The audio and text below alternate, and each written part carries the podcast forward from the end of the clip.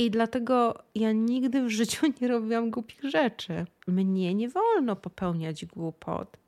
Ja nie mogę robić głupich rzeczy. Ja jestem dorosła. Nie popieram tego, co obecnie dzieje się na świecie i mam w sobie olbrzymi sprzeciw wobec ostatnich wydarzeń. Jestem jednak w tak kruchej przestrzeni własnej, że nie angażuję się w żaden sposób w dyskusję na temat wojny. Udzielam wsparcia w taki sposób, jaki jest dla mnie obecnie dostępny.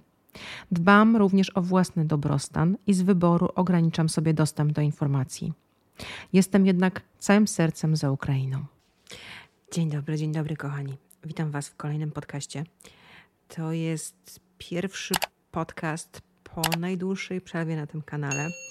I szczerze mówiąc, e, jestem ostatnio w takiej przestrzeni ciszy, dosyć mocnej ciszy, która wysyca się gdzieś w moim życiu, co oznacza, że na coraz mniej pytań znam odpowiedź. To jest taka dosyć, e, nie powiedziałabym trudna, dosyć ciekawa przestrzeń w moim życiu. Dlatego jak myślałam sobie, że usiądę do nagrywania podcastu, to nie za bardzo wiedziałam, o czym w ogóle go nagrać. I e, do tej pory, jak nagrywałam podcasty i w ogóle jak padałam na jakieś różne pomysły, to myśli układały się w mojej głowie i jakoś to sobie po prostu płynęło. A teraz zapanowała naprawdę w mojej głowie totalna pustka i taka przestrzeń, której się przyglądam bardzo mocno, bo to nie jest typowa dla mnie przestrzeń. No ale może powiem Wam pokrótce, co się u mnie stało i co się wydarzyło, bo może nie wszyscy z Was wiedzą, może nie wszyscy śledzicie Instagrama, może nie wszyscy czytaliście kartę społeczność. A miesiąc temu miałam wypadek, ponad miesiąc temu, mm, w wyniku czego bardzo poważnie uszkodziłam swoją nogę, a głównie bardzo mocno uszkodziłam swoje kolano. Moje kolano e, uległo tak poważnej kontuzji, że praktycznie nie było w nim żadnej struktury, która by nie uległa uszkodzeniu co oznaczało, że ja w ogóle, jak sobie przypominam w tej chwili ten moment, um, to w ogóle była bardzo, bardzo trudna sytuacja. Doszło do tego, że no nie mogłam chodzić o własnych siłach, musiałam po wypadku być przewieziona przez pogotowie i tak naprawdę nie wiedziałam, jak mam sobie poradzić ze wszystkim. Był to bardzo trudny okres. Były takie momenty, kiedy bardzo dużo płakałam, bo nie wiedziałam w ogóle, jak się odnaleźć w tej nowej przestrzeni. Ja powiem Wam szczerze, że ja czułam, że coś takiego się wydarzy i to chodziło już za mną od jakiegoś czasu. Ja zresztą moim najbliższym znajomym powiedziałam jakoś kilka miesięcy temu, że coś się wydarzy. Że że zachoruję. Ja bardziej czułam, że zachoruję, a nie że zdarzy jakiś, jakiś wypadek, ale też jakby miałam takie przekonanie bardzo, bardzo mocne w sobie, że e, to, co będzie przyczyną tego wszystkiego, co się stanie, to jest jakby już we mnie. Noszę to w sobie i jakby to po prostu w pewnym momencie wybuchnie. No i na początku mi to w ogóle do tego wypadku nie pasowało, bo, no bo zdarzył się po prostu wypadek, no i tyle. A później jak e, zaczęto mnie badać i, i, i zaczęły przychodzić kolejne badania, okazało się, że tak naprawdę mm, te uszkodzenia były dlatego tak poważne, że ze względu na to, że po prostu ja już miałam wcześniej kontuzję, która nie została stwierdzona i po prostu w momencie, kiedy to wszystko się zdarzyło, to, to, to po prostu pękło. No i jak pękło, no to, no to poleciało wszystko razem.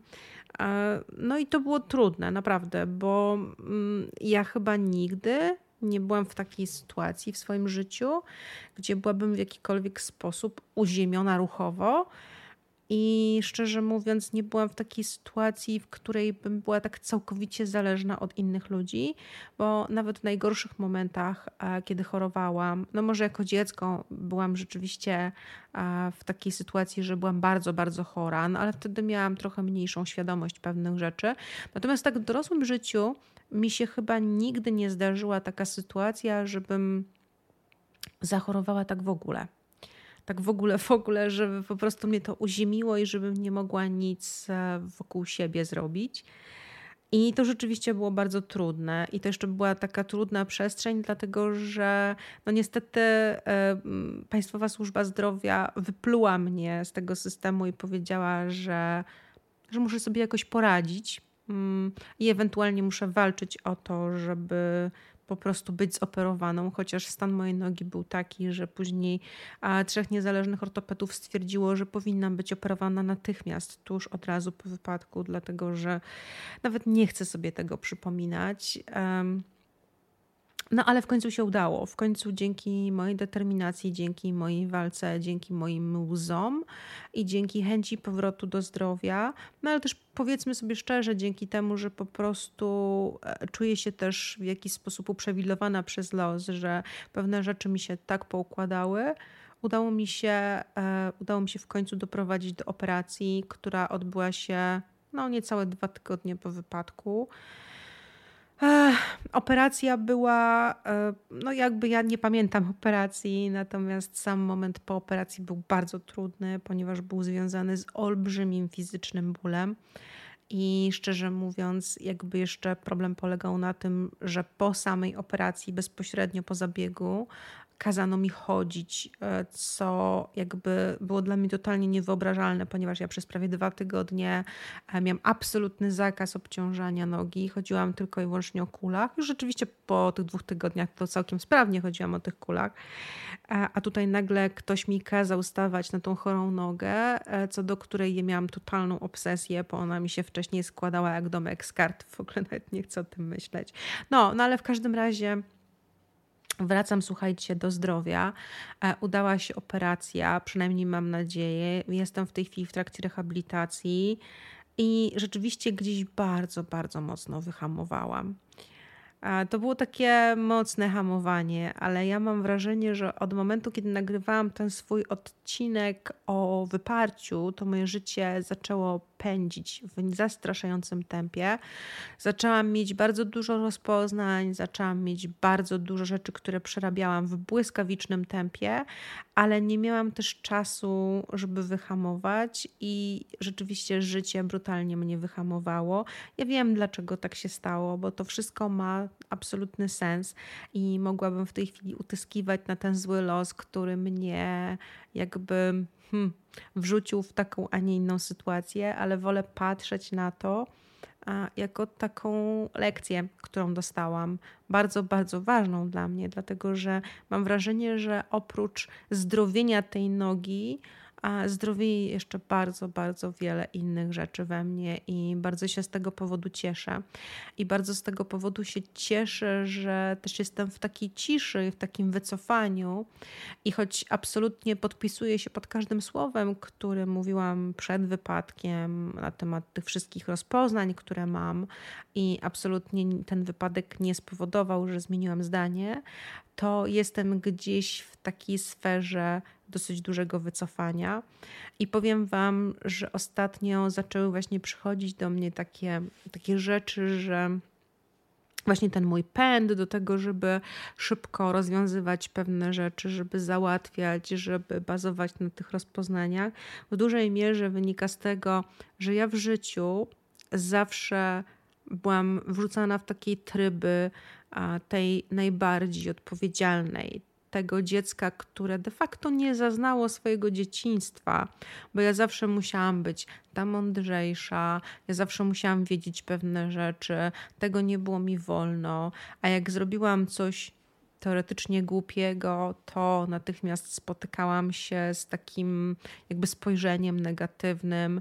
E, nie za bardzo miałam przestrzeń w dzieciństwie do tego, żeby się mylić e, i żeby jakby też właśnie robić głupie rzeczy i dlatego ja nigdy w życiu nie robiłam głupich rzeczy.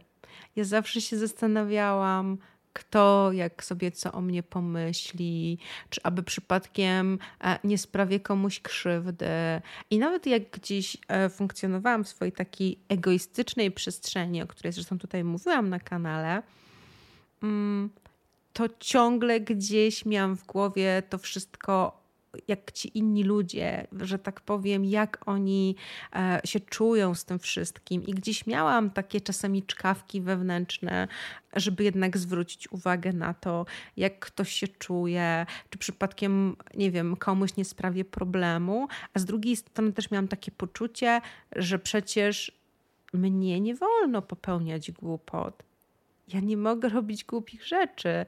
Ja jestem dorosła i ja muszę się zachowywać dojrzale. I powiem Wam, że ostatnio weszłam w taką przestrzeń, że zaczęły mi się odpalać jakieś takie no, bardzo dziecinne rzeczy. E, na przykład e, jakieś takie sytuacje. Ostatnio miałam pracę w szkole mm, i gdzieś mi się odpalił taki proces, że stwierdziłam, że w sumie to wszystkich nie lubię i miałam ochotę się obrazić i wyjść stamtąd. I się w ogóle popłakałam. I właśnie wróciłam do domu i mówię tak, ale co ty robisz? To, jest w ogóle dziecinne. Nie można się tak zachowywać. I właśnie później do mnie przyszło, no ale kto powiedział, że się nie można tak zachowywać? I, I stwierdziłam, że rzeczywiście ja sobie w życiu strasznie dużo rzeczy narzucałam i strasznie duże tempo sobie narzuciłam w życiu i narzuciłam je sobie na własne barki.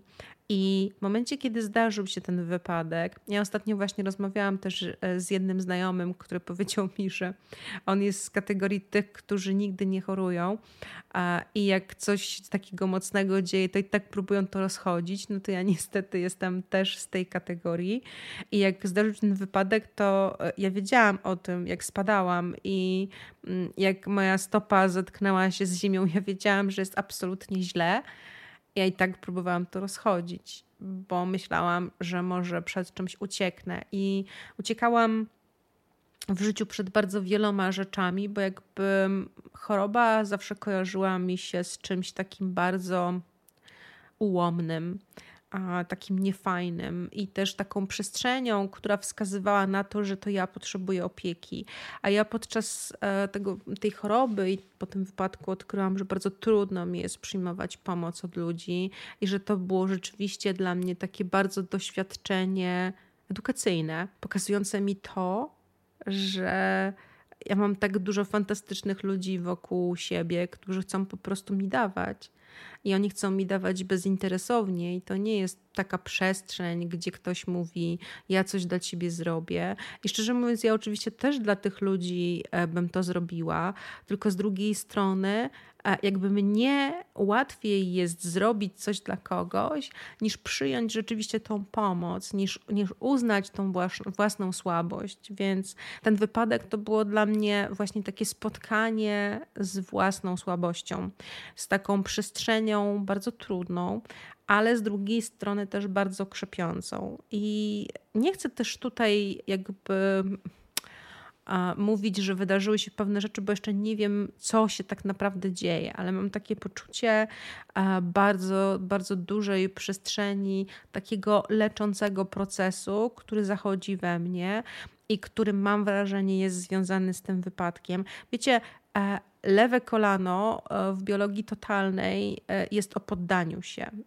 I bardzo często, kiedy coś takiego się dzieje, pokazuje nam przestrzeń dotyczącą tego, że się nie poddaliśmy. I ja rzeczywiście gdzieś miałam w sobie jakąś taką kwestię, że bardzo trudno mi się było poddać, bardzo trudno było mi ogłosić własną bezsilność, bardzo trudno było mi usiąść i zaczekać, i też ten proces gojenia jest dosyć trudny, bo ja oczywiście też przez cały czas w tej chwili staram się siebie poganiać, a moje ciało jednak y, nie chce być poganiane i bardzo mocno mnie stopuje i zatrzymuje i pokazuje mi w tej chwili bardzo jasno, że muszę robić wszystko powoli.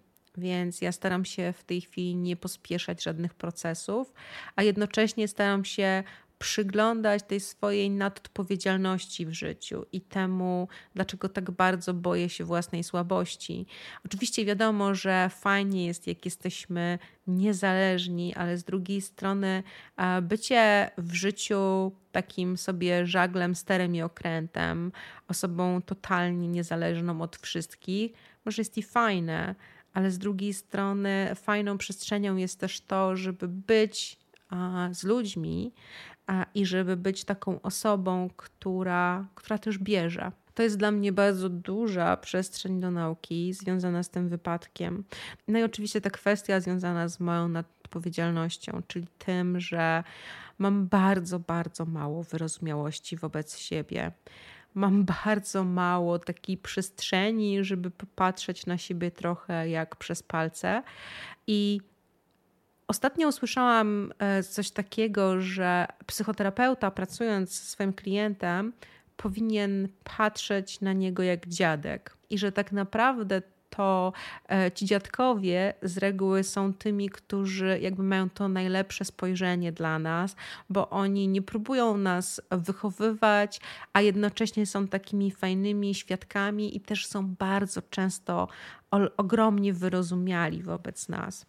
I ja gdzieś doszłam do wniosku, że ja chyba muszę sobie e, na siebie popatrzeć, jak e, własna babcia, chociaż nie ta moja prawdziwa, bo e, moja prawdziwa babcia, do której jestem bardzo podobna, była bardzo surową kobietą, a druga babcia była mniej surowa, ale jednak muszę sobie wytworzyć swoją własną babcię, taką miłą, ciepłą i kochającą e, i patrzeć e, na siebie z jej oczami, bo to chyba jest mi bardzo, bardzo mocno potrzebne, bo chyba narzuciłam sobie na barki bardzo wysokie standardy i nawet nie zdawałam sobie z tego sprawy, jak wysoko postawiłam sobie poprzeczkę w życiu i jak trudno spełnić mi pewne oczekiwania. No dobrze, kochani, no więc sobie tak trochę pogadałam. E, stwierdziłam, że po prostu zrobię taką rozbiegówkę. Zobaczymy, co z tego przyjdzie. Mam nadzieję, że mi się trochę w głowie rozkręci i będzie mi łatwiej e, nagrywać dla Was. Mam w głowie jedną taką przestrzeń dotyczącą stopni doświadczeń psychodelicznych i jakąś taką e, kwestię, którą chciałabym opisać, jeśli chodzi o moje własne doświadczenie. E, chodzi mi o tą skalę pięciostopniową, którą bodajże Thomas Leary opisał ale nie jestem w 100% pewna, kto opisał tą skalę pięciostopniową, więc o tym chciałabym na pewno zrobić odcinek, bo ostatnio sobie uświadomiłam, że po prostu totalnie e, wiem, e, w, jakim, w jakiej kolejności u mnie się to działo w moim procesie że rzeczywiście bardzo długo byłam jakby zamknięta w jednej przestrzeni, a wiem, kiedy się pojawiła kolejna. E, ja trochę tęsknię, słuchajcie, w tej chwili za doświadczeniami e, psychodelicznymi, którymi, których nie mam e, i które się, że tak powiem, nie pojawiają, więc na razie tęsknię za tym mocno, ale na razie musi tak być, jak jest. Ja dużo pracuję też z olejkiem CBD, z takimi jakimiś przestrzeniami, dużo medytuję. Miałam dwukrotnie taki zabieg helatacji, który też był dosyć ciekawy, jeśli chodzi o takie przestrzenie. Mm, dużo pracuję też terapeutycznie w tej chwili ze sobą i, i w takich różnych aspektach, więc bardzo dużo dzieje się w moim życiu, ale jakby też bardzo dużo spokoju przyszło do mojego życia, takiego absolutnego spokoju, który ja się po prostu siedzę i przyglądam. Za daleko nie pójdę. To znaczy, już i tak jest całkiem nieźle. Mój lekarz twierdzi, że w ogóle jestem walnięta, bo mm, jak byłam po operacji, to zapytałam się mojego lekarza, kiedy ja mogę chodzić bez kul. A mój lekarz powiedział mi, że jeżeli będę w stanie wytrzymać ból, to najlepiej, żebym chodzi, zaczęła chodzić e, no jak najszybciej po operacji i ogólnie rzecz biorąc można chodzić nawet e, w tej samej dobie, tak, już bez kul. No oczywiście w tej samej dobie ból był nie do wytrzymania i absolutnie nie było takiej opcji żeby ja, ja, ja przy chodziku, e, takim, takim balkoniku, e, ledwo byłam w stanie dojść do toalety i ból był po prostu okropny. Ja byłam przez 24 godziny praktycznie na morfinie, na jakichś bardzo silnych lekach przeciwbólowych. Natomiast później, jak wróciłam do domu, to jakoś się ogarnęłam. Drugi dzień miałam bardzo trudny, bo też siadłam bardzo mocno psychicznie. Wydawało mi się, że w ogóle nigdy z tego nie wyjdę. A trzeciego dnia wstałam, poszłam do toalety, i sobie tak pomyślałam, a co by było, jakbym zrobiła krok bez kul? I wzięłam sobie te kule tak z przodu, tak jako asekurację i zrobiłam krok. Poszło. Zrobiłam drugi, trzeci i tak zaczęłam bardzo, bardzo delikatnie chodzić. Jeszcze miałam dreny, tam zwisające butelki z tej nogi w ogóle e, i zaczęłam chodzić bez kul. I do mojego ortopedy na czwartą dobę po operacji pojechałam już bez kul. A on był zresztą w szoku, bo weszłam też po schodach w ogóle. Wprawdzie po schodach ciągle chodziłam na jedną nogę, ale weszłam tam i wszyscy byli po prostu totalnym szoku. No i rzeczywiście, jakby wydaje mi się, że zdrowieje w dosyć szybkim tempie. Mam nadzieję, że też nie przegnę, bo oczywiście jak okazało się, że już mogę w miarę chodzić, to zaczęłam znowu srogo zapierdzielać, ale sama się ograniczam. No dobra, bo miało być krótko, a znowu się trochę rozgadałam, więc słuchajcie kochani, to jest taki odcinek rozbiegowy o wszystkim i o niczym. Widzimy się niedługo w jakichś odcinkach. Mam nadzieję, że trochę tęskniliście. Dajcie znać e, pod filmem, odezwijcie się do mnie, oczywiście dajcie lajka albo subskrypcję, jak jeszcze nie subskrybujecie. No i widzimy się niedługo w kolejnych odcinkach. Napiszcie mi też w komentarzach, e, co byście najchętniej chcieli zobaczyć e, w tych najbliższych tygodniach na kanale, a ja postaram się może coś wykombinować. Dobrze, kochani, trzymajcie się, buziaki i papa. Pa.